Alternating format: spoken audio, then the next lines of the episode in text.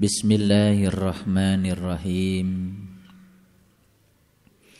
Assalamualaikum warahmatullahi wabarakatuh.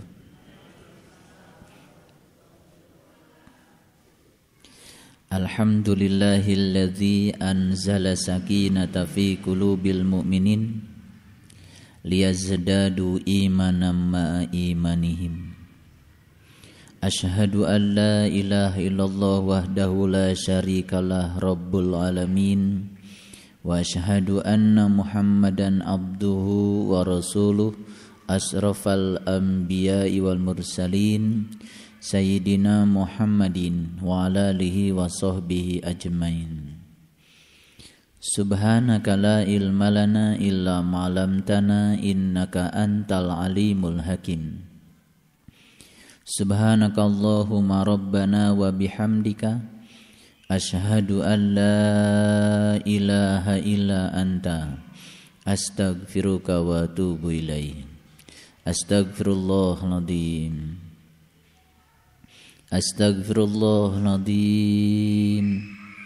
Astaghfirullahaladzim Illa huwal hayyul qayyum wa atubu ilaih Min jami'il ma'asi wa zunub La hawla wa la quwata illa billahil aliyyil azim Dari sejak kita terjaga tadi pagi sampai sekarang berlimpah-limpah karunia Allah yang telah diberikan kepada kita. Kita bisa melangkahkan kaki dan masih diizinkan punya kaki dan akhirnya sampai di tempat yang penuh berkah ini dalam keadaan sehat walafiat. Kita masih diizinkan untuk melihat, kita masih diizinkan untuk mendengar, kita masih diizinkan untuk merasakan kelezatan-kelezatan duniawi ini.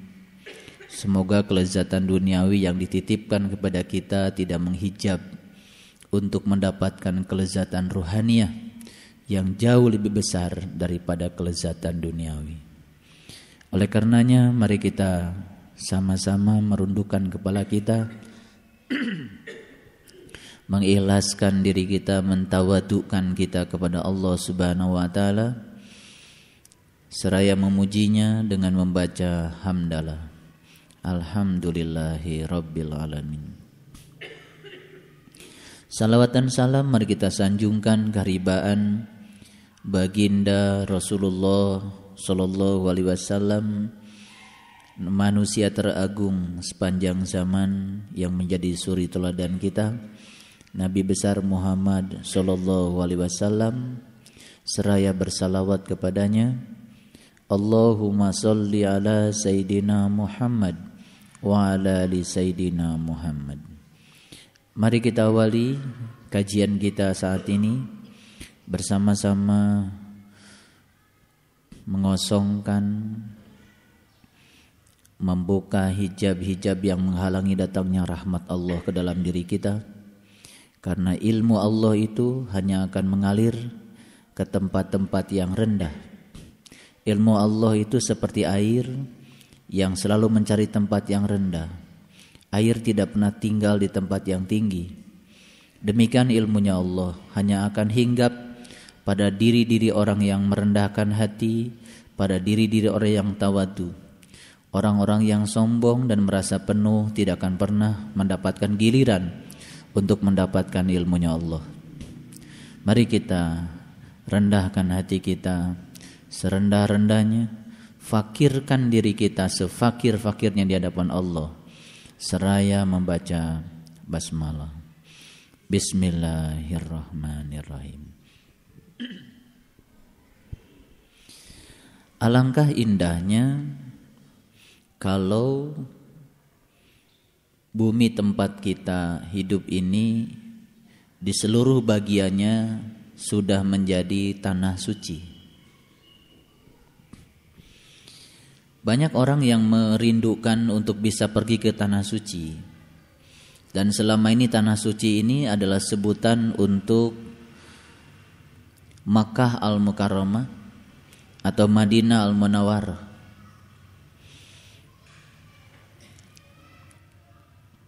Kenapa orang merindukan tanah suci? Karena pada dasarnya orang ingin agar dia bisa merasakan sesuatu yang pernah dia rasakan pada alam asal. Sesungguhnya kita di alam asal pernah merasakan suatu kedamaian, ketentraman, kebahagiaan.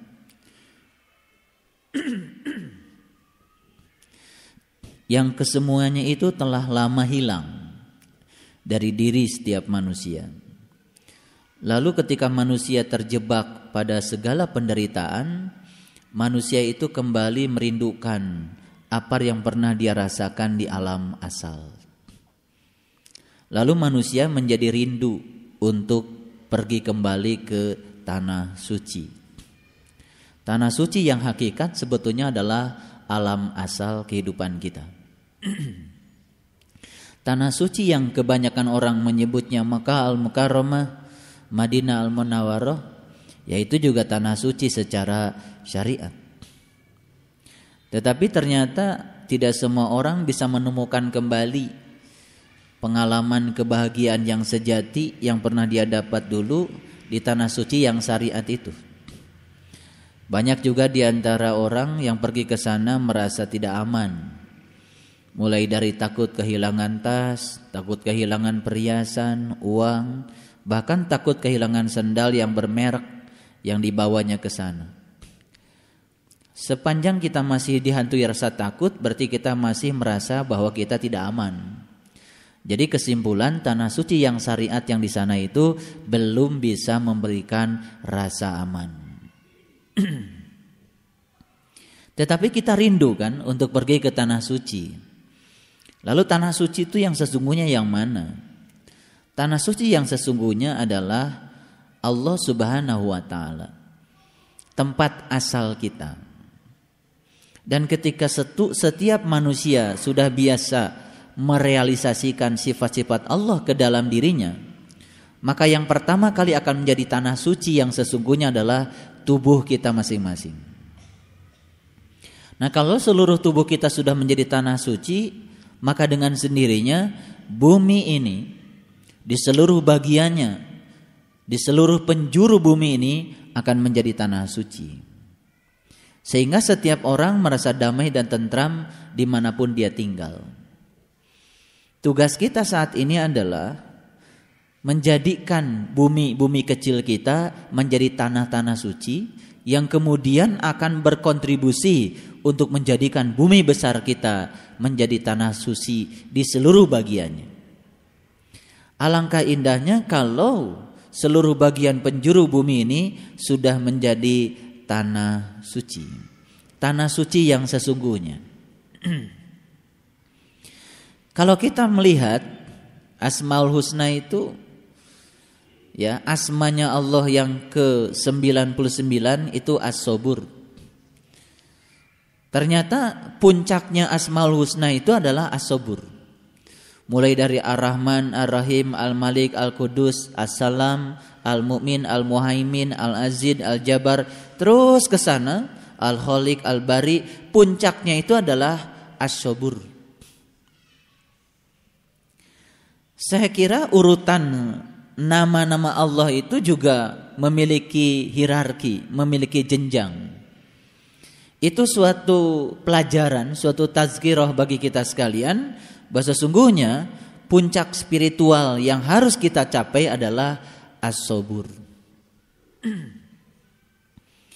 Makanya Nabi mengatakan perhiasan terindah yang ada di semesta ini adalah kesabaran. Jadi kalau seluruh umat manusia sudah mencapai yang disebut dengan perhiasan terindah itu yang bernama kesabaran, maka kesabaran ini pertama akan menciptakan seluruh bumi-bumi kecil kita menjadi tanah suci.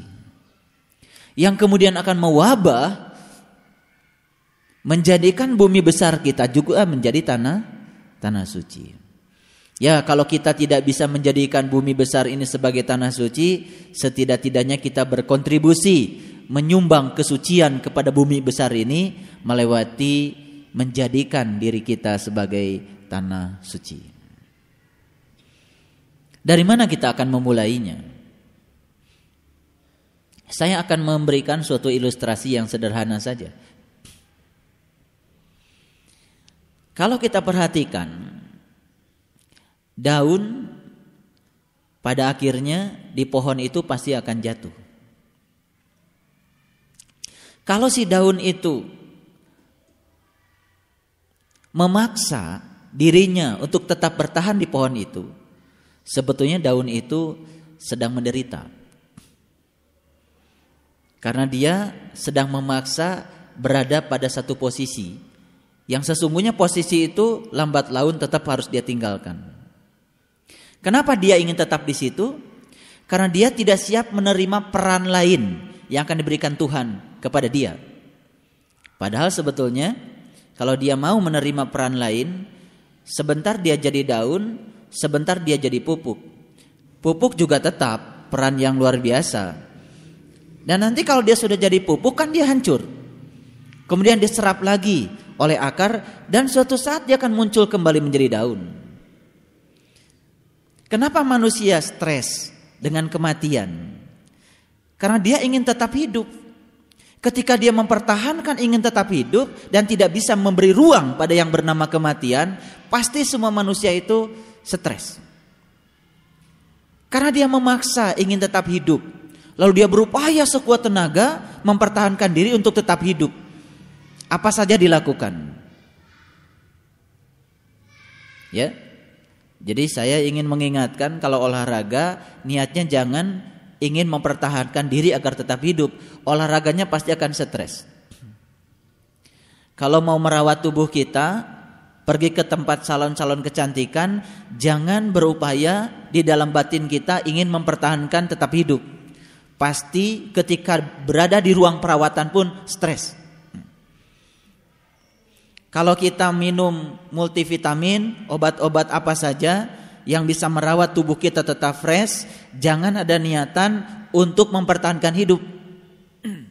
Karena kalau niatnya seperti itu, pasti makan vitamin apa saja tidak akan pernah memberikan kontribusi apa-apa karena stresnya belum pernah hilang. Nah, stresnya apa sebetulnya? Stresnya itu karena dia tidak bisa memberikan ruang kepada yang disebut dengan kematian. Jadi sama saja dengan daun yang tadi dia ingin tetap jadi daun. Padahal seharusnya secara alamiah dia harus menjadi menjadi pupuk dulu. Itu juga peran yang Tuhan berikan kepada dia. Setelah jadi pupuk kan suatu saat diserap oleh akar kan mungkin menjadi daun yang lebih indah lagi. Siapa jadi awalnya mungkin daun pohon babadotan yang tidak ada harganya suatu saat akan menjadi daun benalu teh yang dicari banyak orang untuk kesehatan. Atau suatu saat jadi daun anggrek melati yang sangat indah yang harganya lebih indah lagi. Jadi sebetulnya daun juga ternyata mengalami suatu fase bertransformasi dari satu daun ke daun yang berikutnya yang jauh lebih tinggi keadaannya. Jadi kalau air setelah menjadi kabut dia tetap saja ingin jadi kabut dan tidak siap menjadi air, maka kabutnya lihat stres kan. Hmm. Itu kabut yang ingin mempertahankan diri untuk jadi kabut, padahal alamiahnya dia harus menjadi air. Betul nggak? Ntar juga setelah jadi air, suatu saat akan jadi kabut lagi. Manusia pada takut menghadapi yang disebut dengan kematian karena dia tidak mengerti saja. Sebenarnya kematian itu adalah suatu proses di mana Allah akan menitipkan suatu peran baru dan suatu saatnya mungkin terlahir lagi dengan peran yang jauh lebih indah. Hmm. Nah, jadi kesimpulannya ternyata sumber penderitaan manusia yang paling utama adalah ketika manusia ingin mencoba mempertahankan keadaan yang sekarang dan tidak siap menerima keadaan yang berikutnya yang akan Allah titipkan kepadanya. Nah, ketika manusia melepaskannya, ketika manusia mengizinkannya, proses itu berjalan apa adanya, di situlah sebenarnya sumber manusia akan memperoleh kedamaian. Jujur saja kita bisa mengakui saat ini juga bahwa sumber penderitaan kita adalah saat di mana kita takut untuk kehilangan yang ada pada saat ini. Yang ada pada saat ini adalah kehidupan. Dan yang akan datang adalah kematian. Kalau saya meletakkan kelereng di suatu mainan anak-anak, kan mainan anak-anak itu ada yang seperti ini. Bukit, lembah, bukit, lembah, bukit, lembah. Kalau saya letakkan kelereng di bukit, saya mau tanya, itu kelereng pergi ke mana? Pergi ke lembah kan? Betul? Nah, kalau kelereng sudah di lembah, dengan energi potensial yang dia miliki, hasil perubahan energi, dia akan pergi ke mana? Akan pergi ke bukit kan, kalau cukup energi untuk mencapai bukit kembali. Jadi sebetulnya itu suatu pelajaran yang luar biasa. Ketika kita di bukit, bersiap-siaplah untuk turun ke lembah. Tapi ketika di lembah, jangan khawatir karena kita akan naik ke bukit. Silih berganti seperti siang dan malam. Nah, sebetulnya semua itu berproses, silih berganti. Nah, ketika kita mencoba mempertahankan diri pada satu kondisi tertentu, di situlah sebetulnya kita akan kehilangan kesempatan untuk damai. Oleh karena itu, oleh karena itu, ya, tugas kita saat ini adalah mengizinkan diri kita mengalir bersama proses kehidupan apa adanya, tanpa ada rasa takut. Peran apa pun yang Tuhan akan berikan kepada kita untuk menggantikan peran yang ada pada kita saat ini, terimalah dengan penuh keikhlasan. Siapa jadi perannya menjadi peran yang lebih baik. Kalau mati kemudian lahir kembali ternyata lahir jadi anaknya seorang pewaris tahta kerajaan apa gitu hmm. ya kan dulu susah kan sekarang jadi hebat gitu. cuman karena tidak mengerti jadi tidak tidak ada keberanian Makanya selamanya kan sudah menderita di posisi itu tambah menderita karena dia ingin coba mempertahankan posisi di posisi itu. Ya seperti daun yang tidak mau jadi pupuk. Sebenarnya dia itu stres ya. Hmm. Padahal pupuk juga peran yang luar biasa ya. Kalau tidak jadi pupuk, apa dia jadi daun lagi? Kalau dia tidak bersedia jadi pupuk kan tidak akan pernah menjadi daun yang baru lagi. Syarat untuk menjadi daun yang baru memang dia harus melewati proses itu. Ya jadi pupuk dulu lah. Nah ketika proses itu terhenti kan kita tidak jadi apa-apa. Nah itulah sebetulnya yang harus kita pahami karena hidup ini berjalan terus menerus. Jadi ketika ada proses berikutnya kan tidak ada. Ketika tidak ada proses berikutnya ada. Maka Nabi mengingatkan ketika kamu sedang ada harusnya kamu itu hati-hati. Karena di depanmu ada saat di mana kamu tidak ada. Tapi ketika kamu tidak ada harus berbahagia. Karena fase berikutnya adalah kamu akan ada. Yalah hidup seperti itu. Silih berganti. Nah ketika kita tidak mau mengikuti proses silih berganti itu, di situlah penderitaan. Ayo, simpulkan. Oh selama ini pantas saya menderita. Karena selama ini saya mencoba untuk mempertahankan diri berada di posisi yang sekarang. Lalu saya tidak mengizinkan untuk mendapatkan posisi baru dalam proses silih bergantinya proses alamiah yang harusnya berjalan di semesta ini. Itu sebetulnya. Nah, oleh karena itu, mari kita lihat Quran surat Al-Mudathir. Surat yang ke-74.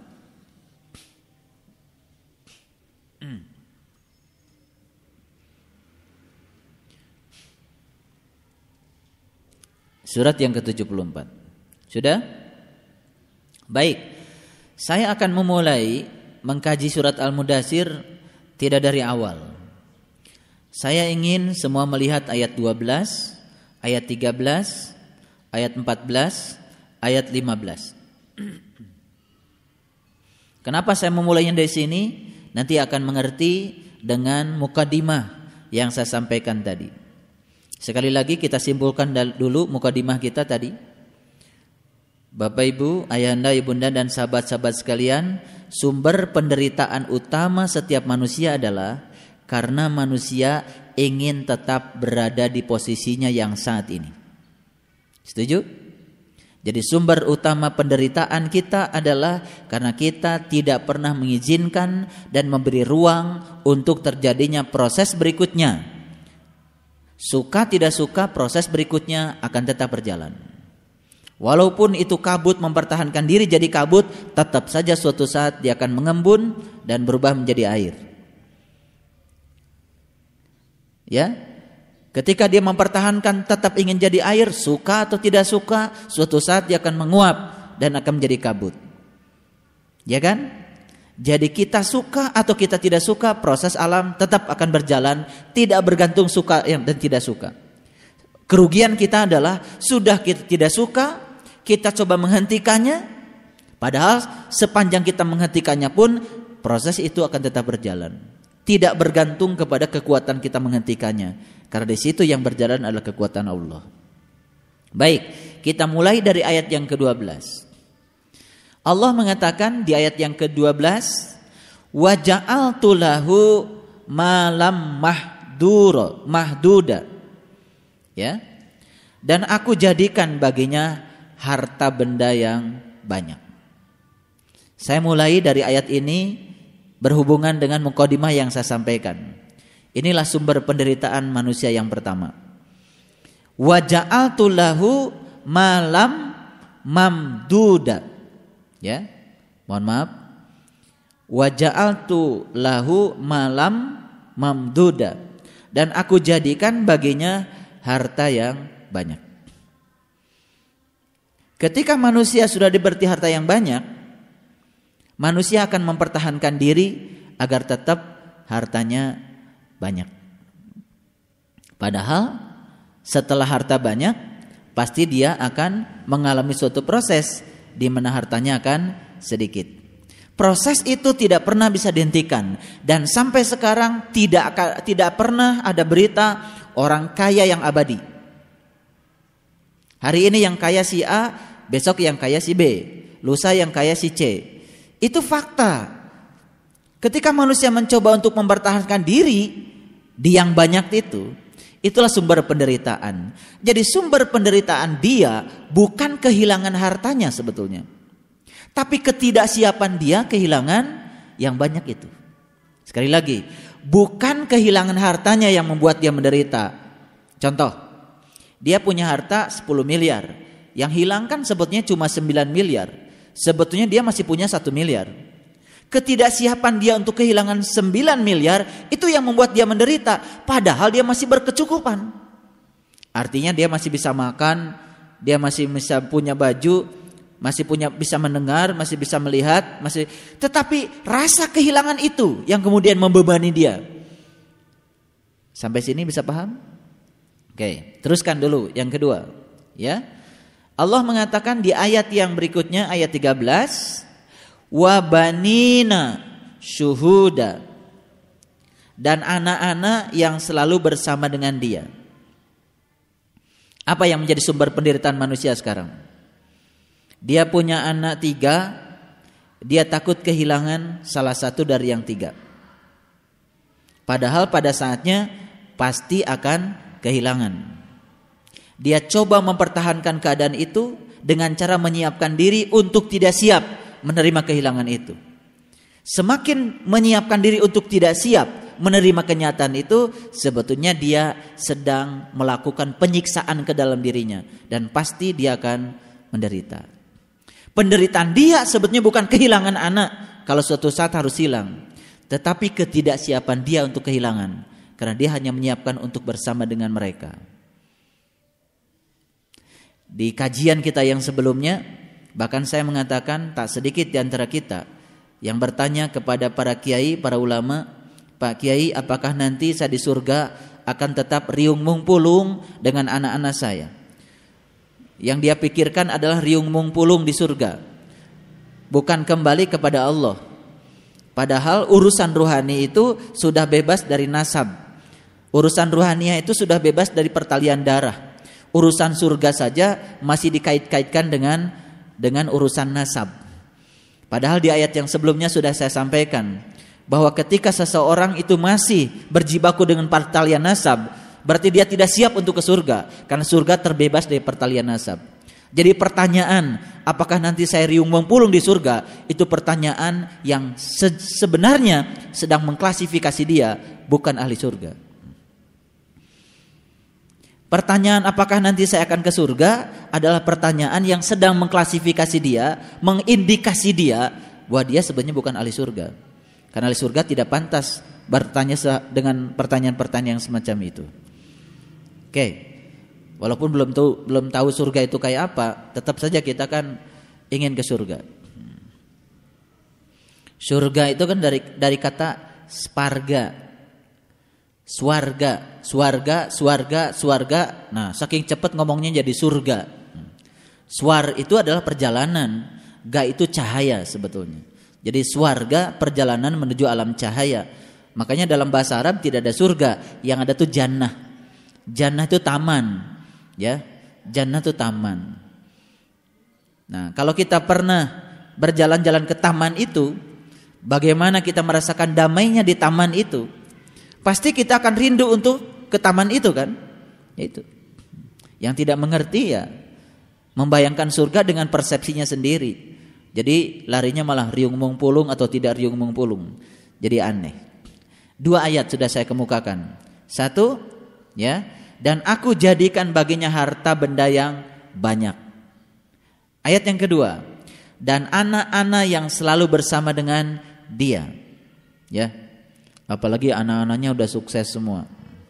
Semakin sukses, semakin takut kehilangan salah satu di antaranya. Apalagi ketika yang yang harus hilang adalah anak yang selama ini menanggung semua beban kehidupannya. Wah, Padahal sebenarnya itu perannya sedang dialihkan saja. Perannya sedang dialihkan. Dan anak kita juga kan harus berperan, harus berproses.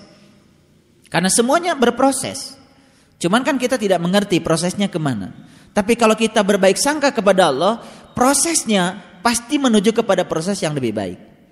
Jadi kalau hari ini dia jadi daun pohon babadotan yang sedang diproses untuk menjadi daun anggrek yang mahal. Dan tidak akan pernah jadi daun anggrek yang mahal kalau dia tidak mau jadi pupuk untuk sementara waktu. Dan harus mati dulu. Betul nggak? Iya, harus mati. Jadi buat apa kita mati? Sebetulnya kan unsur air dikembalikan pada air. Unsur tanah dikembalikan pada tanah. Unsur api dikembalikan pada api. Unsur udara dikembalikan pada udara. Apakah Bapak Ibu selama ini tidak merasa itu air, air yang kita minum ya air yang kita minum, molekul H2O yang kita minum, itu perjalanannya sudah ke mana-mana tuh. Mungkin pernah memasuki tubuh binatang apa, mungkin pernah memasuki tubuh orang gila, mungkin, mungkin ya. Dia itu air udah jalannya ke mana-mana itu. Hmm. Air yang ada di tubuh kita itu satu molekulnya itu sudah melewati perjalanan panjang sebetulnya. Jumlah molekul air di bumi ini tetap tidak pernah bertambah. Yang terjadi itu adalah berubah fase dari cair menjadi uap, dari uap menjadi es, es menjadi cair lagi. Yang berubah itu fasenya, tapi jumlah air kalau dihitung jumlah molekulnya yang menyeliputi bumi itu tetap saja. Bayangkan air yang kita minum itu, ih jijik itu air dari mana? Tidak tahu kalau air itu sudah lewat pernah, mohon maaf, pernah ngidap, mohon maaf, di tai sapi kali aja hmm. kali aja betul nggak dan oleh semesta kan dimurnikan unsur air menyatu dengan unsur air unsur tanah menyatu dengan tanah betul nggak tetap saja itu H2O Makanya kita belajar menyatu dengan semesta itu sebetulnya adalah menselaraskan diri. Menselaraskan diri yang timbul pemahaman yang dalam dari situ timbul rasa syukur sebetulnya. Nah, dan kita bisa menerima menerima semua kenyataan hidup ini apa adanya. Itu baru yang kedua. Ini dasar sekali Al-Mudasir. Yang ketiga, dan aku lapangkan baginya rejeki dan kekuasaan dengan selapang-lapangnya. Ini kata kunci yang pertama adalah harta yang banyak. Kata kunci yang kedua adalah anak-anak yang lucu, cantik-cantik, ganteng-ganteng, pada sukses. Ya. Ada yang jadi tukang insinyur, hmm. Ada yang jadi tukang dokter. Hmm. Ya. Yang ketiga apa? Yang ketiga, aku lapangkan baginya rezeki dan kekuasaan dengan selapang-lapang. Wah, kalau sudah diberi kelapangan yang seperti ini, kan nafsunya pengen terus nambah. Betul nggak? Iya. Kalau sudah jadi wagub, pengen jadi gubernur. Kalau sudah wakil wali kota, pan berikutnya pengen jadi wali kota. Betul nggak? Kalau sudah jadi lurah kan berikutnya pengen jadi camat. Iya kan? Kalau sudah jadi RT kan berikutnya pengen jadi RW. Terus seperti itu, terus seperti itu. Kenapa? Karena ayat 15 Allah mengatakan, ya, kemudian dia ingin sekali supaya aku menambahnya. Ya. Jadi ingin agar Allah terus menambahnya. Makanya dia cari doa-doa mustajab. Dia cari kiai-kiai yang bisa menaklukkan Allah. Ya kan? Dia cari tempat-tempat yang Allah takluk di tempat itu. Hmm. Dan ketika dia sudah sukses menaklukkan Allah, kemudian dia bangga. Bahasanya kelihatan soleh dengan mengatakan, lihat saya.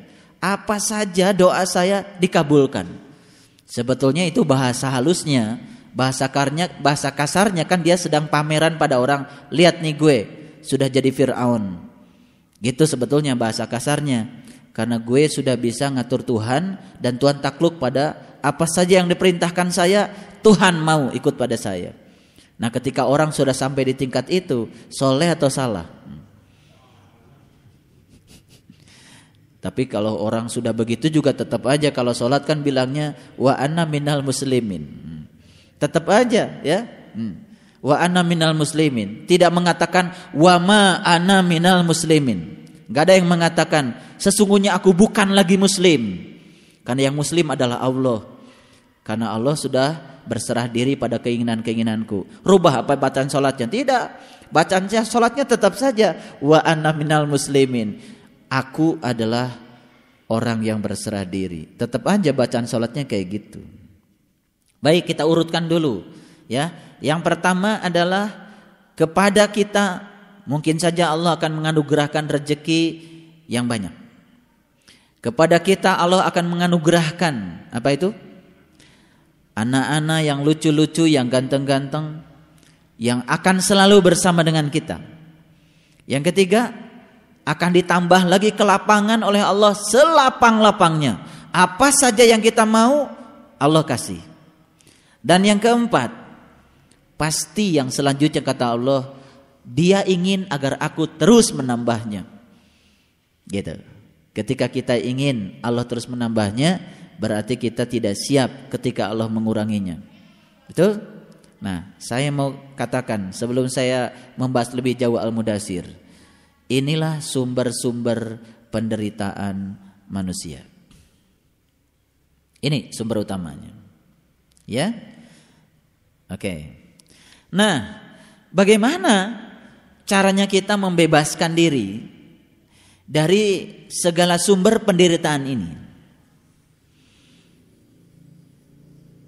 Dari mana kita harus memulainya melangkah dalam hidup ini? Saya akan memulai dari ayat yang pertama. Bismillahirrahmanirrahim. Ya ayyuhal mudathir. Hai orang-orang yang berselimut. Jadi ini hampir sama dengan Quran surat Al-Muzammil. Nadanya hampir sama. Perbedaannya di mana? Nanti kita akan lihat ya. Quran surat Al-Mudassir jauh lebih dalam, jauh lebih tegas dibandingkan Quran surat Al-Muzammil. Yang dihaikan adalah orang-orang yang berselimut. Saya sudah menegaskan di ceramah saya yang sebelumnya selimut kita ada dua. Ada selimut jasmani yang menutupi tubuh kita, ada selimut ruhani yang menutupi jiwa kita. Kalau selimut tubuh gampang nariknya. Tapi kalau selimut ruhani tidak ada yang bisa menolong kita untuk menariknya kecuali diri kita sendiri. Ya. Nanti kalau saya ketiduran tolong ya selimut ini tarik biar saya kedinginan dan saya bangun. Gampang nyuruh orang. Tapi kalau selimut rohani yang mentidurkan kita dalam tidur yang sangat panjang. Jadi ketika diberi harta yang banyak, anak-anak yang lucu yang selalu bersama dia, itu selimut-selimut itu. Selimut-selimut. Ya. Dan selimut-selimut itu akan semakin menentramkan dia. Makanya di Quran surat Yunus dikatakan innalladzina la yarjuliqa'ana. Orang-orang yang tidak rindu untuk jumpa dengan aku.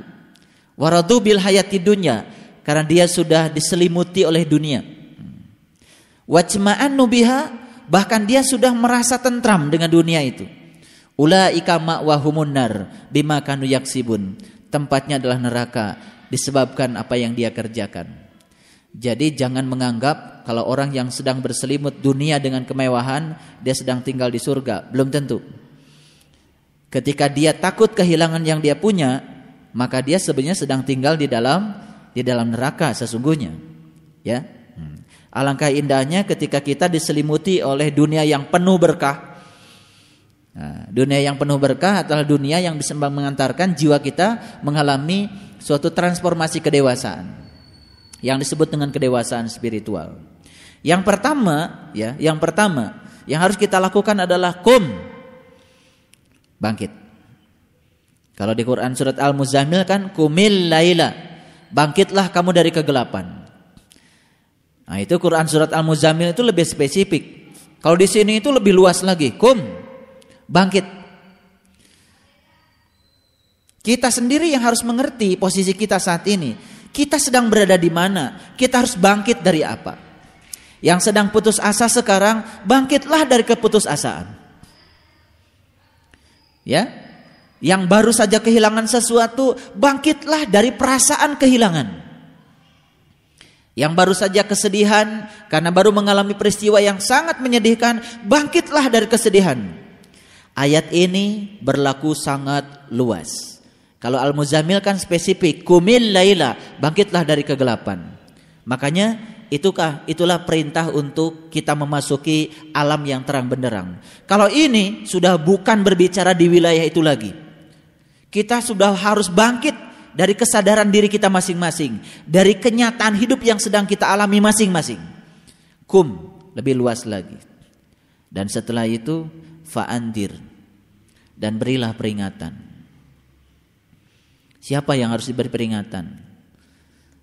Yang harus diberi peringatan pertama kali adalah diri kita sendiri. Kalau kita sudah bisa memberi peringatan pada diri kita sendiri, baru kita bisa memberi peringatan kepada orang lain. Masih ingat Quran surat Al-Muzammil?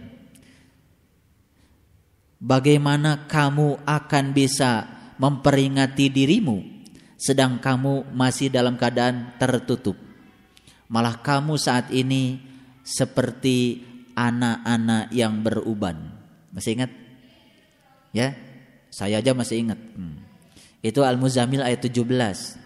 Bagaimana mungkin kamu bisa memperingati dirimu sendiri sedang kamu masih dalam keadaan tertutup?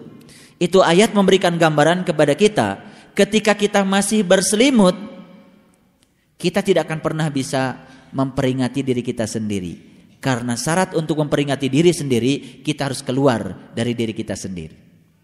Ini saya kasih tahu. Ketika kita sedang tinggal di dalam, apa yang di dalam nggak kelihatan. Karena melihat dari jarak dekat itu nggak kelihatan. Kalau ada benda didekatkan kepada mata kita, semakin dekat dengan mata kita semakin nggak kelihatan. Maka melihat itu harus ada jarak. Supaya apa? Supaya bayangan benda jatuh di retina. Betul? Nah kalau tidak jatuh di retina, geser sedikit ke depan atau geser sedikit ke belakang, pakai kacamata negatif atau positif. Jadi kacamata ini kan sebetulnya tugasnya adalah mengembalikan bayangan yang jatuh tidak di retina, digeser oleh kacamata, gitu. Makanya kan ada proses pembiasan dulu di sini. Jadi kalau kita dekat dengan sumber yang kita lihat, gak kelihatan. Nah kalau kita ingin melihat diri kita, kita harus keluar dari diri kita. Nah ketika kita keluar dari diri kita melihat diri kita, baru kita bisa memperingati kita. Nah bagaimana cara keluarnya? Nah, kalau kita tinggal di bumi kan harus ke langit. Betul nggak?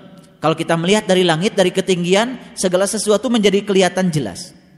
Berarti kita harus naik ke ketinggian. Yang ditinggikan apanya? Yang ditinggikan kesadarannya.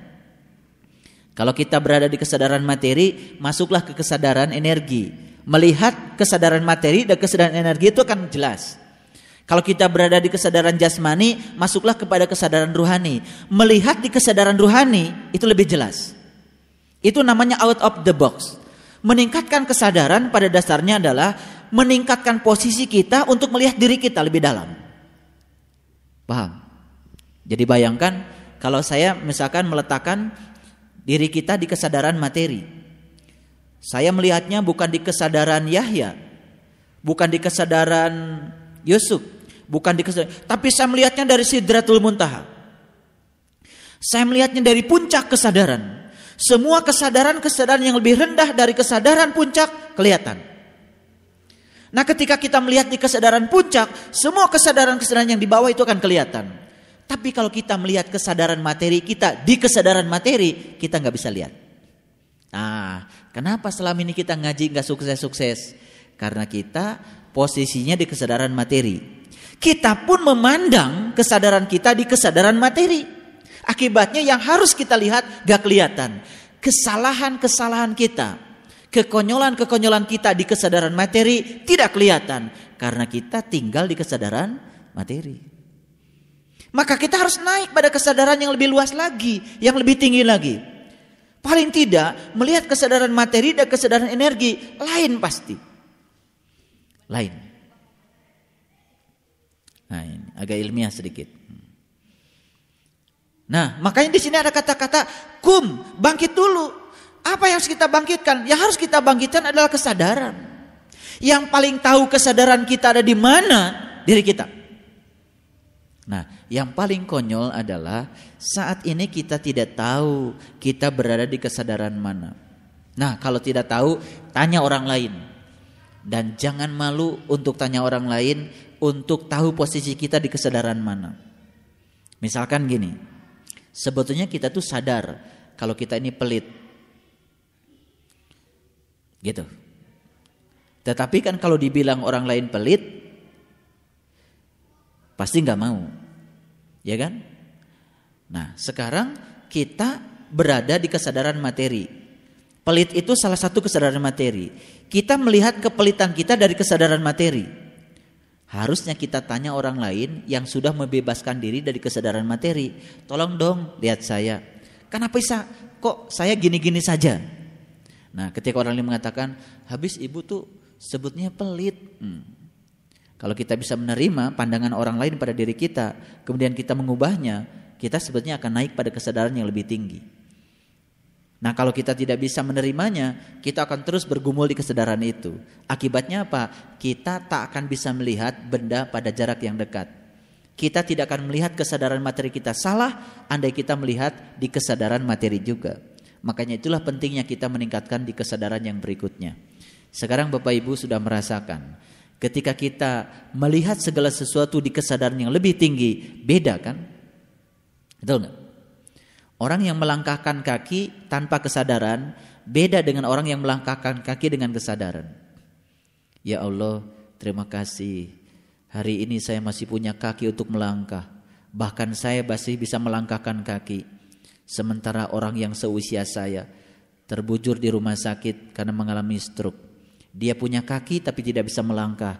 Ya Allah, saya masih punya kaki dan saya masih bisa melangkah. Terima kasih kaki, hari ini kau masih bless, masih melayani aku untuk pergi ke mana pun yang aku mau. Kan kita ini kan baru sadar betapa pentingnya kaki nanti kalau sudah tidak punya kaki lagi. Kita baru sadar pentingnya kaki kalau kaki kita sudah tidak melangkah lagi. Sama seperti kita punya gigi. Kalau tidak sedang sakit gigi, sembarangan kita menggunakan gigi. Betul? Tapi begitu sakit gigi satu, di samping tu ayah nungalongok te nyeri huntum, hmm. nyerina kabina-bina. Hmm. Walaupun ada kata ada lagu lebih baik sakit gigi daripada sakit hati itu melagu. Tetap aja dua-duanya sakit. Hmm. Ya, sakit gigi kan yang paling parah. Sakitnya luar biasa tu ayah nungalongok. Rek ngabejaan batur isin. Ya. Nah, tuh makin nyeri huntu pasti tara ngosok gigi. pasti mulutnya bau kan gitu. Jadi interpretasinya terlalu jauh. Makanya tidak pernah ada orang SMS mohon doa restunya karena sahabat kita sedang sakit gigi. Taraya.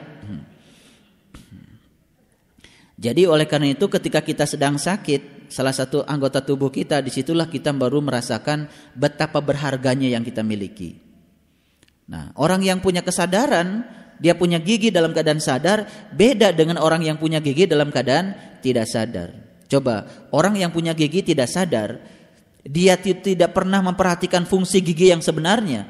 Dia tidur pun dalam keadaan tidak gosok gigi. Nah, kalau orang yang sadar, waduh, saya mau tidur. Jangankan mau tidur, mau lama saja tidak makan-makan, dia gosok gigi dulu supaya mulutnya dalam keadaan bersih. Setelah makan dibersihkan lagi kan seperti itu. Karena dia dia ingin agar giginya tetap bersama dengan dia. Nah, kalau itu lain lagi. Bukan keinginan mempertahan gigi agar tetap bersama dia, tapi dia sedang bersyukur atas gigi yang dia terima. Beda itu kasusnya. Bukan ketakutan kehilangan gigi. Kalau suatu saat setelah dipelihara hilang juga, itu kan hukum alam. Memang suatu saat juga akan hilang. Betul nggak? Iya. Subhanallah. Baik kita teruskan. Kum bangkitlah fa'andir dan berilah peringatan. Nah, saya ingin menjelaskan lebih dalam lagi tentang berilah peringatan. Ternyata seseorang baru akan bisa keluar untuk memperingati keluar kalau dia sudah bisa memperingati dirinya sendiri. Syarat utamanya apa? Dia harus keluar dulu dari segala kungkungan yang membatasi dirinya. Makanya di Quran surat Al-Muzammil kan dikatakan, bagaimana mungkin kamu akan bisa memberikan peringatan sementara kamu dalam keadaan tertutup. Malah kamu justru berjalan pada satu hari yang di hari itu kamu seperti anak yang beruban. Ya kan?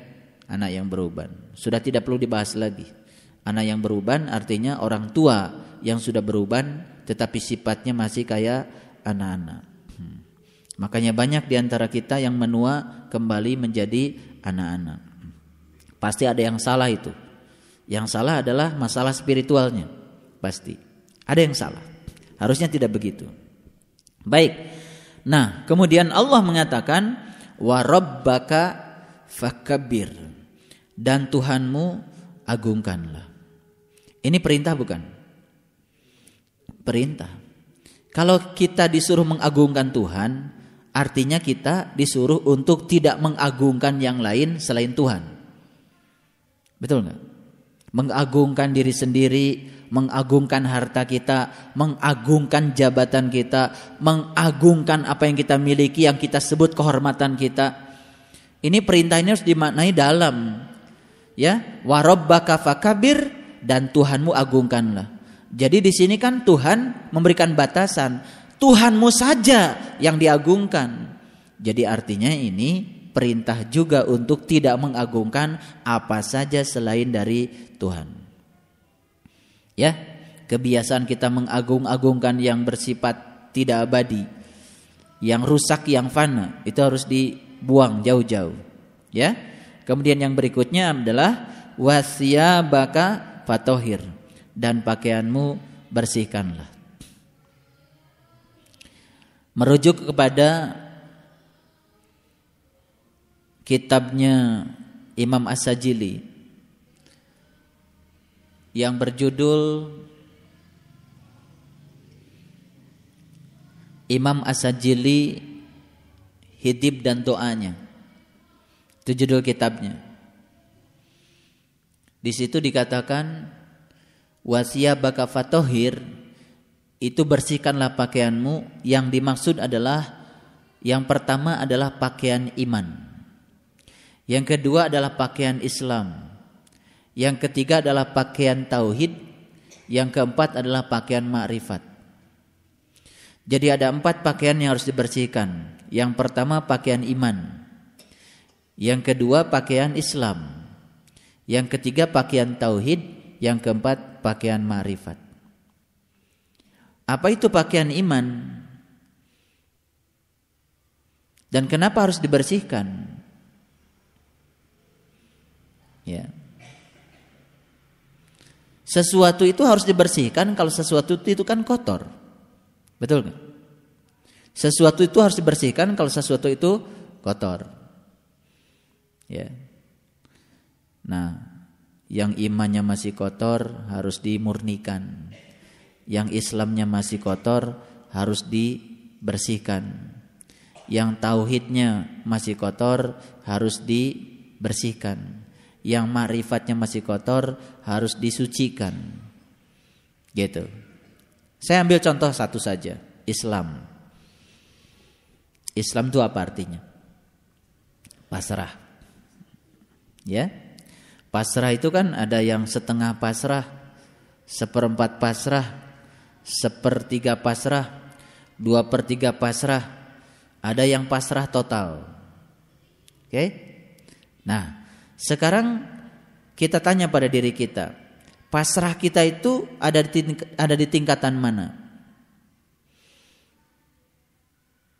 Oh, saya alhamdulillah Pak, pasrahnya sudah total. Baik. Kalau pasrah total berarti kita sudah bisa membumikan pernyataan kita di dalam doa iftitah. Inna solati wa nusuki wa mahyaya wa mamati lillahi rabbil alamin la syarikalah wa bizalika umirtu wa anna minal muslimin. Pertama sholatnya untuk Allah. Ibadahnya untuk Allah. Hidupnya untuk Allah. Matinya untuk Allah. Setelah itu gak cukup. Wabizalika umirtu.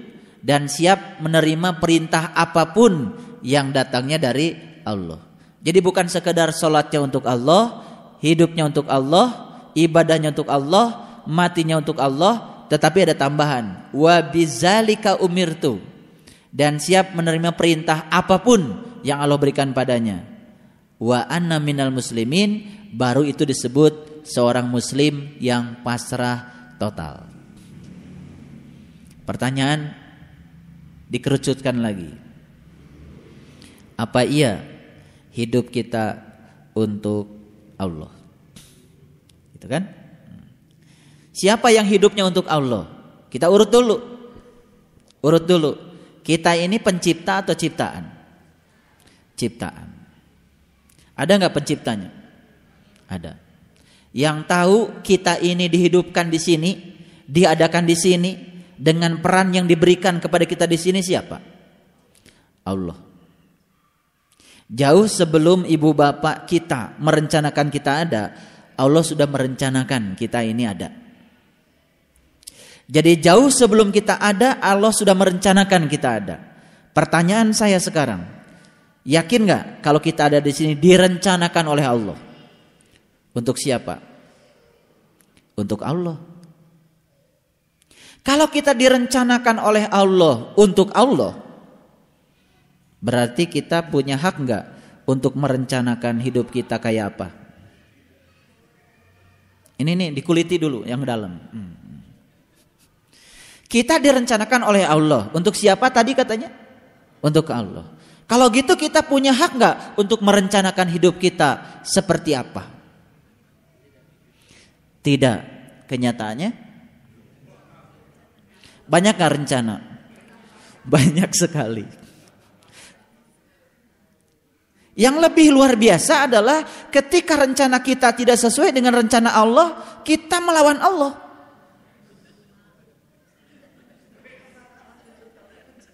Sebetulnya gini, kita boleh punya rencana sebetulnya. Boleh punya rencana. Tetapi ketika rencana kita kemudian diganti dengan rencana Allah, lalu sadar, oh berarti rencana saya ini tidak sesuai dengan rencana Allah menciptakan saya. Yang benar tuh rencana Allah. Ya udah ikut Allah aja deh. Gitu nggak kita? Iya mestinya. Kalau iya mestinya itu kan belum. Ini nih dikuliti dulu agak ke dalam. Kalau saya uraikan semua wasiat bakat patohir ini perlu waktu yang banyak. Saya kulit itu dulu ke dalam. Kita ini ada di sini direncanakan Allah. Allah menciptakan kita karena rencananya. Kita ada di sini bukan untuk kesenangan kita, untuk kesenangan Allah. pertanyaan lebih dasar lagi. Betulkah semua yang kita lakukan itu menyenangkan Allah? Belum. Ini yang kedua. Ternyata yang kita lakukan itu ya tidak menyenangkan Allah. Dan kita tahu yang kita lakukan tidak menyenangkan Allah. Kita tahu. Cuman kita pura-pura tidak tahu.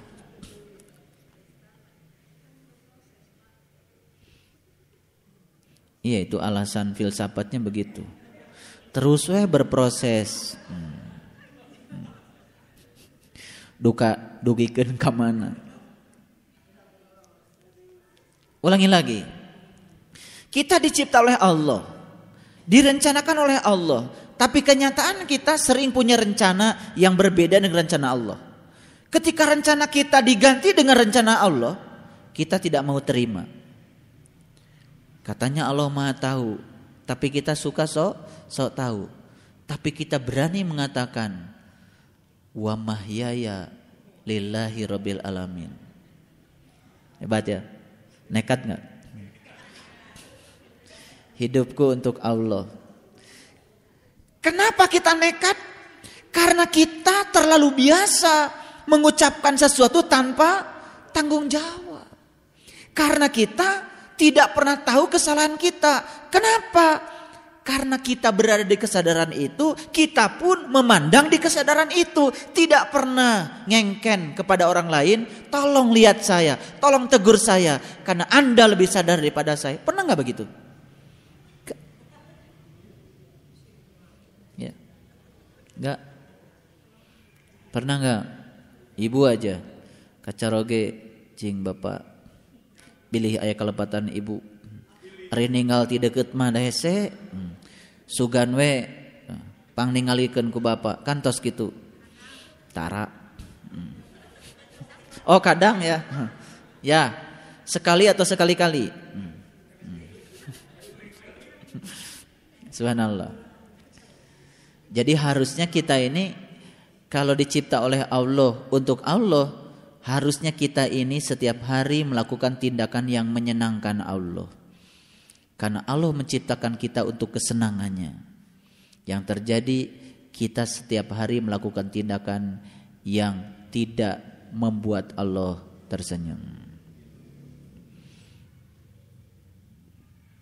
Wah, kalau dikaitkan dengan itu sebetulnya pakaian Islam kita masih kotor atau sudah bersih? Masih kotor. Ya iraha tu bersihna proses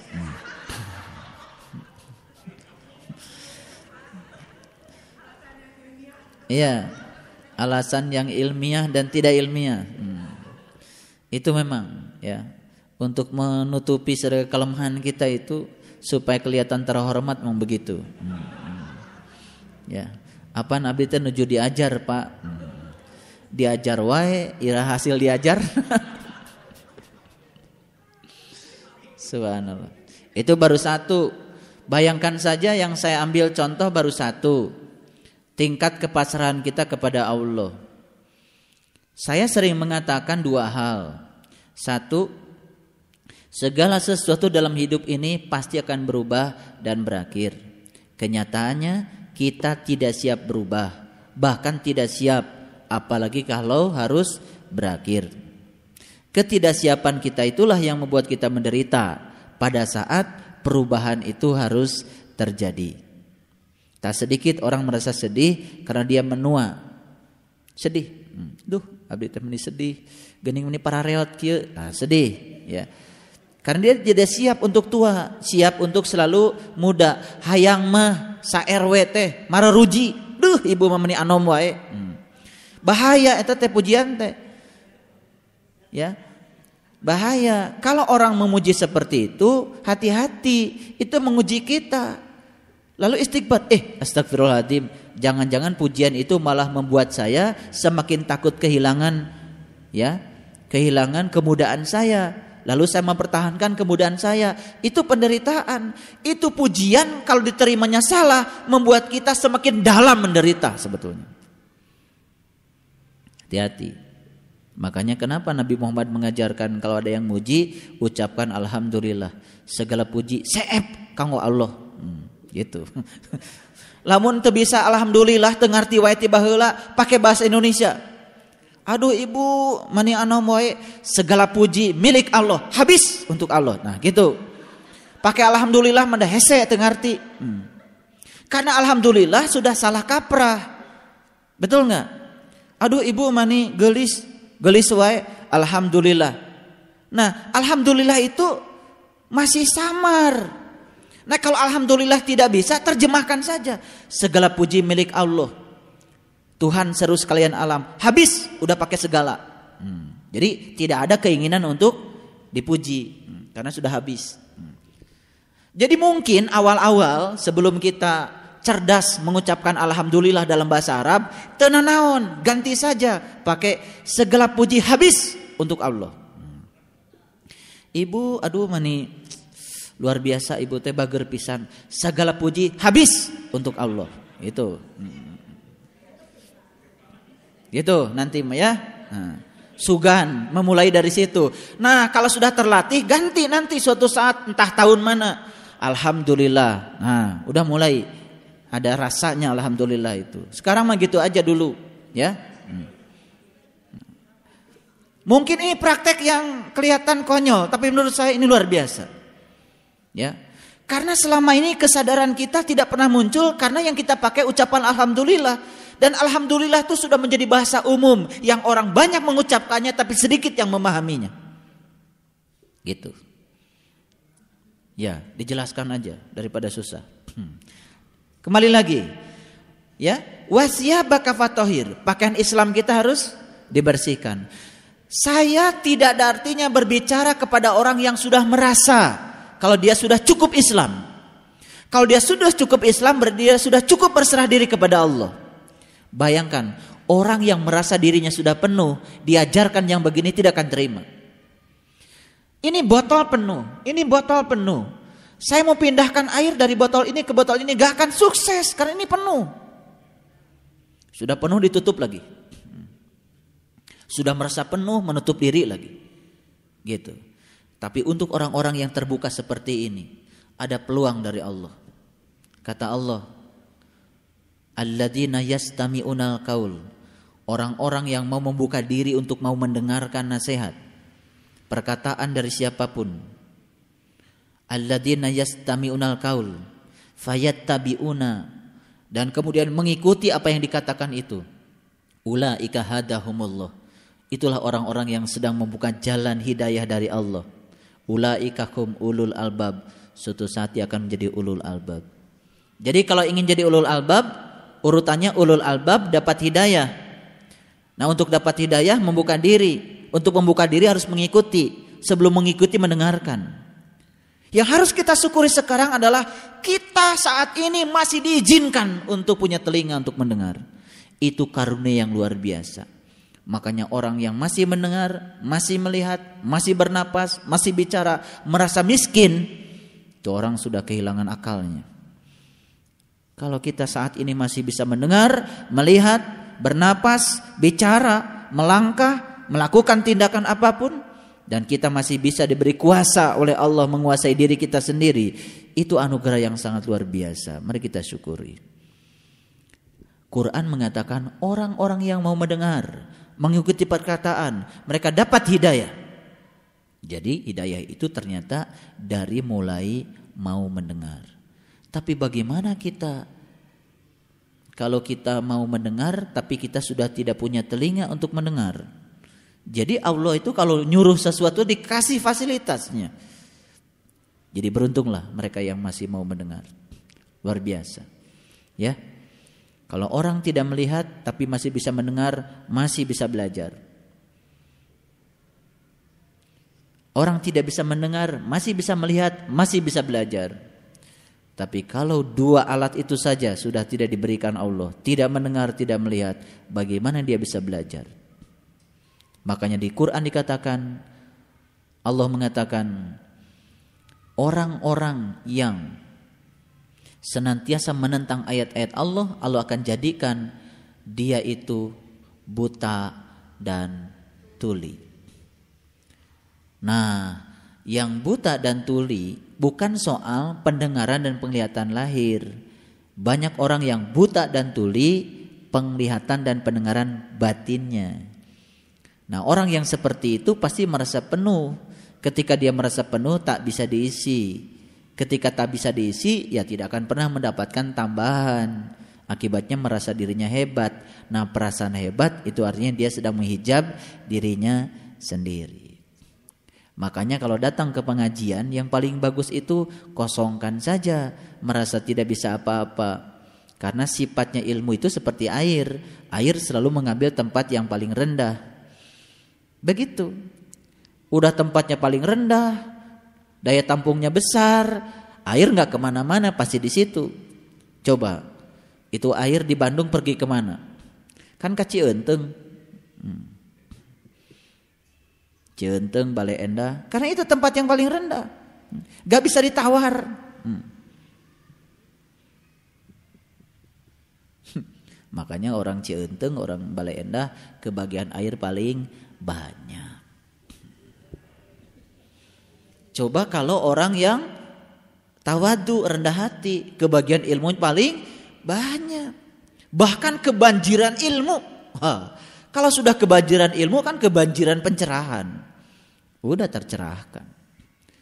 Ya, sebetulnya orang Cienteng dan orang Balai Endah tidak perlu kecil hati kalau dia bisa tahu makna di balik banjir. Hmm. Oh, berarti begini. Oh. Kalau dia ambil hikmahnya, ya, walaupun tinggal di sana, dengan ketawaduan, dengan kerendahan hati, ya, dia bisa mengubah wajah banjir yang menyeramkan itu menjadi guru-guru kehidupan bagi dirinya. Itu. Jadi sebetulnya masalah kita sama. Cuman yang satu masih memandang masalah sebagai sesuatu yang menyeramkan. Yang satu sudah bisa mengubah wajah yang menyeramkan menjadi guru-guru kehidupan. Jadi sebetulnya Bapak Ibu, semua yang kita alami selama ini adalah guru-guru kehidupan kita dan luar biasa kalau kita tahu. Teruskan. Yang kedua, yang harus dibersihkan adalah pakaian apa? Pakaian tauhid. Siapa yang tauhidnya harus dibersihkan? Tentu saja yang tauhidnya belum murni. Sekarang pertanyaan lagi dari saya. Kita kira-kira tauhidnya sudah murni belum? Sudah murni belum? Hmm? Ya, sudah Pak. Karena saya setiap sholat sering baca Allahu Ahad. Allahu Somad. Lam yalid walam yulad. Padahal ada kata-kata awalnya kul. Awas itu. Ada kul dulu di situ. Katakanlah Allahu Ahad. Kita tuh baru boleh mengatakan Allah ahad kalau kita sudah mengalami ahad bersama Allah. Jangan sekedar mengatakan. Makanya kalau sudah menyelami Quran surat Al-Ikhlas, lama kelamaan juga kita nggak berani lagi baca Al-Ikhlas. Selama ini kan berani banget baca Al-Ikhlas. Padahal perintahnya kul Allahu ahad. Kan sama saja dengan kita menyuruh anak kita. Coba nak ceritakan. Tadi pelajaran apa di sekolah? Di sekolah pelajarannya PPKN, dia kan cerita PPKN. Ini orang tuanya nyuruh cerita matematika, padahal dia tidak belajar matematika. Betul nggak? Allah tidak pernah nyuruh kita mengatakan Allahu Ahad sepanjang kita belum mengalami ahadnya bersama Allah. Allah tidak menyuruh kita mengatakan Allahu Samad sebelum kita bergantung hanya kepada Allah saja.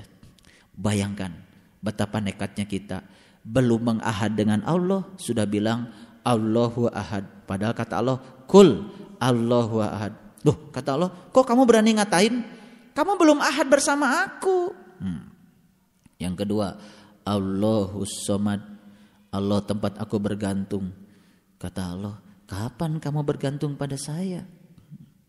Selama ini gantungan-gantunganmu bukan aku. Tempat kamu bergantung banyak. Banyak? Banyak atau sedikit? Biasanya susah kalau nggak dikasih contoh. Hmm. Enggak pak, saya tidak bergantung pada apa-apa. Ayo, suka khawatir nggak kalau uang kita berkurang?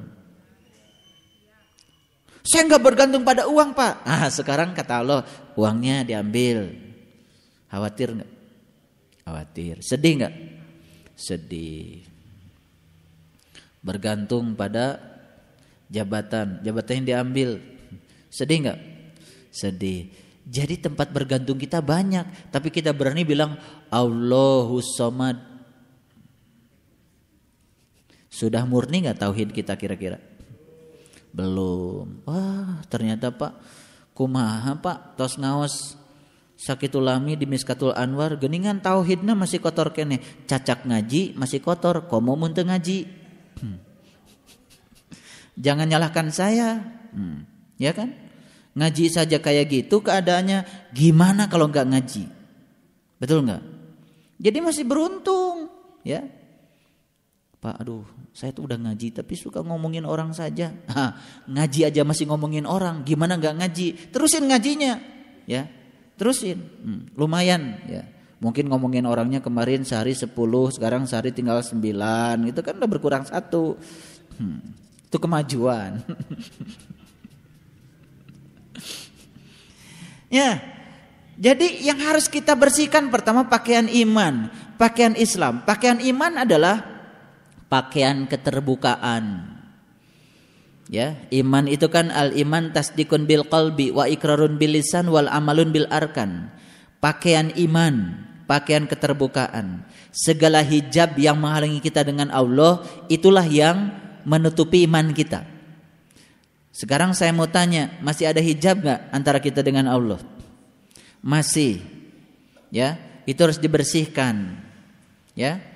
Yang kedua pakaian Islam, pakaian kepasrahan. Pasrah kita kepada Allah juga harus dibersihkan sampai pasrah total. Yang ketiga pakaian tauhid. Ya. Tauhid Tauhid itu bukan ilmu mengesahkan Tuhan, tapi ilmu mengesah bersama Tuhan. Untuk menyatu dengan Allah ternyata susah. Kenapa? Karena Allah tidak akan pernah hadir ya pada diri-diri orang yang kotor. Syarat Allah menghadiri diri kita saat kita bersih. Yang keempat, pakaian ma'rifat, pakaian pengenalan. Saya ingin mengajak kita semua untuk memurnikan kembali niat kita belajar ilmu ini. Ya. Belajar ilmu ini yang paling utama adalah untuk mengenali Allah bukan untuk mengatur Allah. Masih ada yang tanya sama saya, Bapak, doa yang Bapak kasih pertama kali itu namanya doa 30 untuk apa, Pak? Masih pertanyaan seperti itu. Itu pertanyaan ya tidak saya, tidak pernah saya jawab. Kalau saya jawab di samping membatasi pertanyaan itu. Di, di samping membatasi barokah dari doa itu, yang kedua saya secara tidak langsung sedang mengajarkan Bapak Ibu untuk kembali mengatur Tuhan. Ya sudah baca doa, baca doa aja. Ya, nanti juga setelah baca doa ada kejadian, oh rupanya doa ini untuk saya begini. Ya untuk yang lain-lain lagi, ya. Itulah doa yang bagus universal. Makanya Allah bilang di Quran, "Ud'u rabbakum tadarruan wa khufyatan." Mintalah kepadaku dengan penuh rasa hormat dan tersembunyi. Jadi minta kepada Allah yang benar itu adalah dengan penuh rasa hormat. Gimana penuh rasa hormat? Dia maha kaya, minta yang gede-gede. Jangan minta yang kecil-kecil. Dia maha luas, minta yang luas-luas. Ya. Nah, jadi doa yang paling bagus adalah minta Allah itu sendiri. Udah selesai. Hmm. Kayak Nabi Muhammad kan doanya ringkas aja. Hasbi Allah. Hmm. Beres. Baca doanya nggak panjang-panjang. Kecuali doa keluar dari neraka itu tetap harus hafal. Hmm. Yang sering tinggal di neraka. Ya. Kemudian yang berikutnya ya, waruja fahzur dan perbuatan dosa tinggalkanlah. Jadi Ya, dosa manusia itu kan cuma satu. Dosa manusia itu cuma satu, syirik. Allah sudah bilang, "Innallaha la yaghfiru ayyushraka bih wa yaghfiru ma duna dzalika yasha. Sesungguhnya Allah tidak akan pernah mengampuni dosa syirik.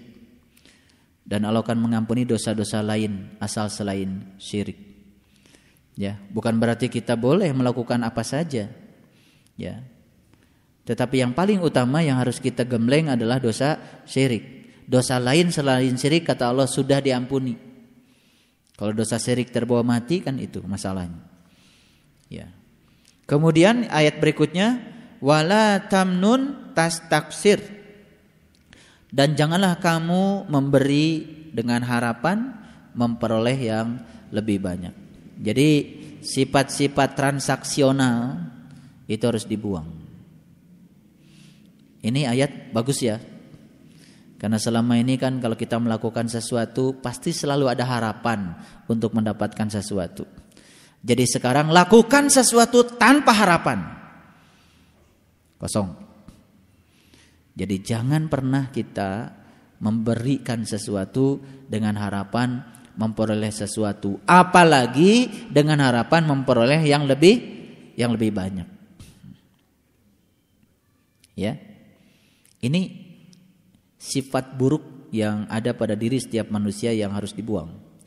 Saya kira sedikit sekali orang yang mau melakukan sesuatu tanpa ada harapan.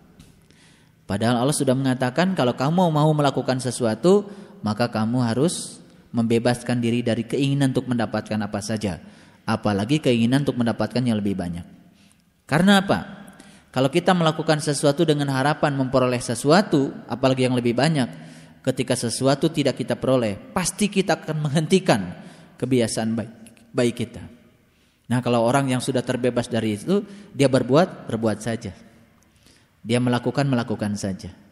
Dia sholat tahajud ya tahajud saja. Dia duha ya duha saja. Ya, dia istiqomah ya istiqomah saja. Dia wirid agung ya wirid agung saja. Ya. Karena kan sudah ada hukum alamnya. Setiap kita melakukan kebaikan pasti akan ada hukum sebab akibatnya tanpa kita harus merekayasanya. Kemudian yang ketujuh ya, wali rabbika fasbir dan untuk Tuhanmu bersabarlah. ini untuk Tuhanmu bersabarlah. Jadi dikembalikan lagi kepada tadi. Kita ini kan ada di sini untuk Allah. Bukan untuk kita. Karena kita dicipta. Ya. Kenapa orang bikin HP? Karena si pembuatnya punya keinginan terhadap fungsi dari HP ini. Oke. Ketika HP ini difungsikan sesuai dengan yang menciptakannya, si penciptanya itu pasti senang. Setiap tombol-tombolnya digunakan sebagaimana adanya. Senang pasti. Makanya sebelum kita pakai ini HP, baca dulu manual tentang penggunaan HP. Kalau manualnya dibaca, semua fitur-fitur yang ada di sini bisa difungsikan. Luar biasa. Jadi ini ciptaan Tuhan ini, tubuh kita, di dalamnya banyak fitur-fitur yang luar biasa.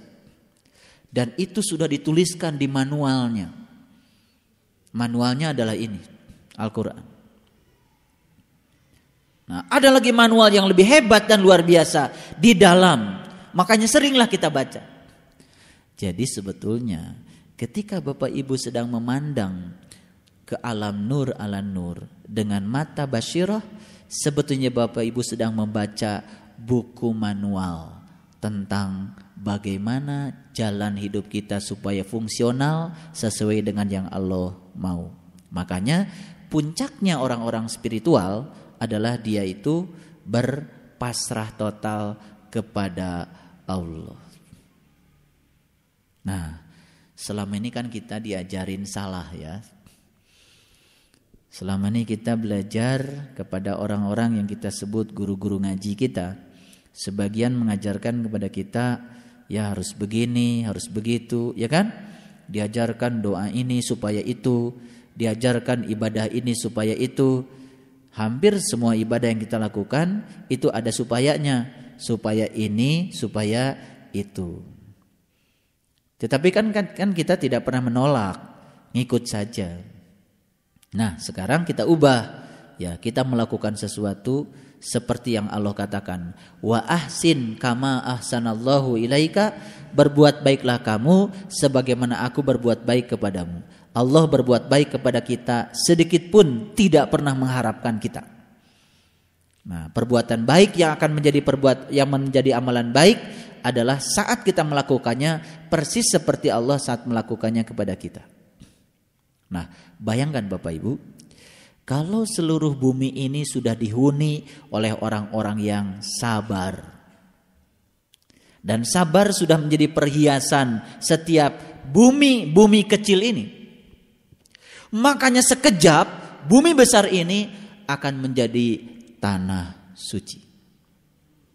Ayo kita bareng sama-sama menjadikan bumi besar ini sebagai tanah suci. Tidak ada lagi percekcokan, tidak ada lagi pertikaian, tidak ada lagi kata-kata kotor, tidak ada lagi fitnah, tidak ada lagi orang yang menghakimi orang lain. Bayangkan. Inilah visi besarnya spiritual, inilah visi besarnya agama.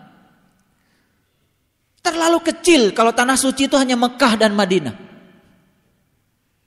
Kasihan mereka-mereka yang tidak punya ongkos. Kita sekarang harus punya visi yang besar dalam kehidupan ini. Ya Allah, kehadiran aku di sini pakailah olehmu menjadi kepanjangan tanganmu untuk mewujudkan bumi besar ini menjadi tanah suci. Izinkan aku untuk memulainya dari sekarang dengan cara membangkitkan seluruh perhiasan-perhiasan indah di bumi kecilku yang paling utama adalah sabar. Ketika sabar itu sudah menjadi perhiasan yang luar biasa di bumi kecil ini. Dan setiap bumi-bumi kecil ini sudah mengkontribusikan perhiasan yang indah. Sekejap bumi yang besar ini menjadi tanah suci. Ayo saya mengajak semuanya kita melakukan tindakan untuk menjadikan bumi besar ini tanah suci. Tidak melihat lagi sampah berserakan di mana-mana yang kita lihat adalah keteraturan. Yang kita lihat adalah keindahan. Biarkan gunung tumbuh kokoh, gagah. Biarkan seluruh hewan melakukan kehidupan apa adanya untuk melakukan keseimbangan dengan semesta ini. Kalau kita melihat keadaan bumi yang sekarang ini sudah carut marut, mungkin kita putus asa. Karena kita baru sadar kalau hidup kita hanya saat ini. Tetapi kalau kita sadar bahwa kita akan terus hidup hanya berganti baju saja. Kita akan memiliki visi yang lebih besar.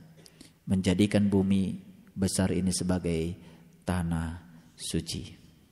Ayo, di tanah suci tidak ada lagi umpatan, di tanah suci tidak ada lagi kata-kata kasar apalagi membicarakan orang. Di tanah suci tidak ada lagi kebencian. Di tanah suci tidak ada lagi kemarahan. Dan inilah bibit awal bumi kita akan menjadi surga yang indah. Ayana ibunda dan sahabat-sahabat yang dirahmati Allah Subhanahu wa taala. Kita lanjutkan ke ayat yang berikutnya. Delapan. Apabila ditiup sangkakala. Kembali lagi kita bicara soal sangkakala. Jadi semua ayat akhirnya kembali ke situ lagi, ke situ lagi. Makanya semua orang mengajarkan untuk meningkatkan kesadaran kita menuju kepada kesadaran yang lebih tinggi. Semua guru-guru suci mengajarkan olah nafas. Ketika kamu marah, coba olah nafasmu. Tarik perlahan, keluarkan, tarik perlahan, keluarkan. Hanya dengan tiga tarikan nafas, kemarahan itu sudah sirna menjadi kasih sayang. Wajah yang menyeramkan sudah berubah menjadi guru-guru sejati kita. Itu yang diajarkan oleh para suci. Makanya Quran pun selalu mengajarkan ketika sangka kala ditiup, ketika sangka kala ditiup, ketika sangka kala ditiup. Karena kecerdasan emosi cara melatihnya adalah olah nafas. Maka waktu itu adalah waktu yang sulit terutama bagi orang-orang yang masih tertutup. Hal itu tidak mudah.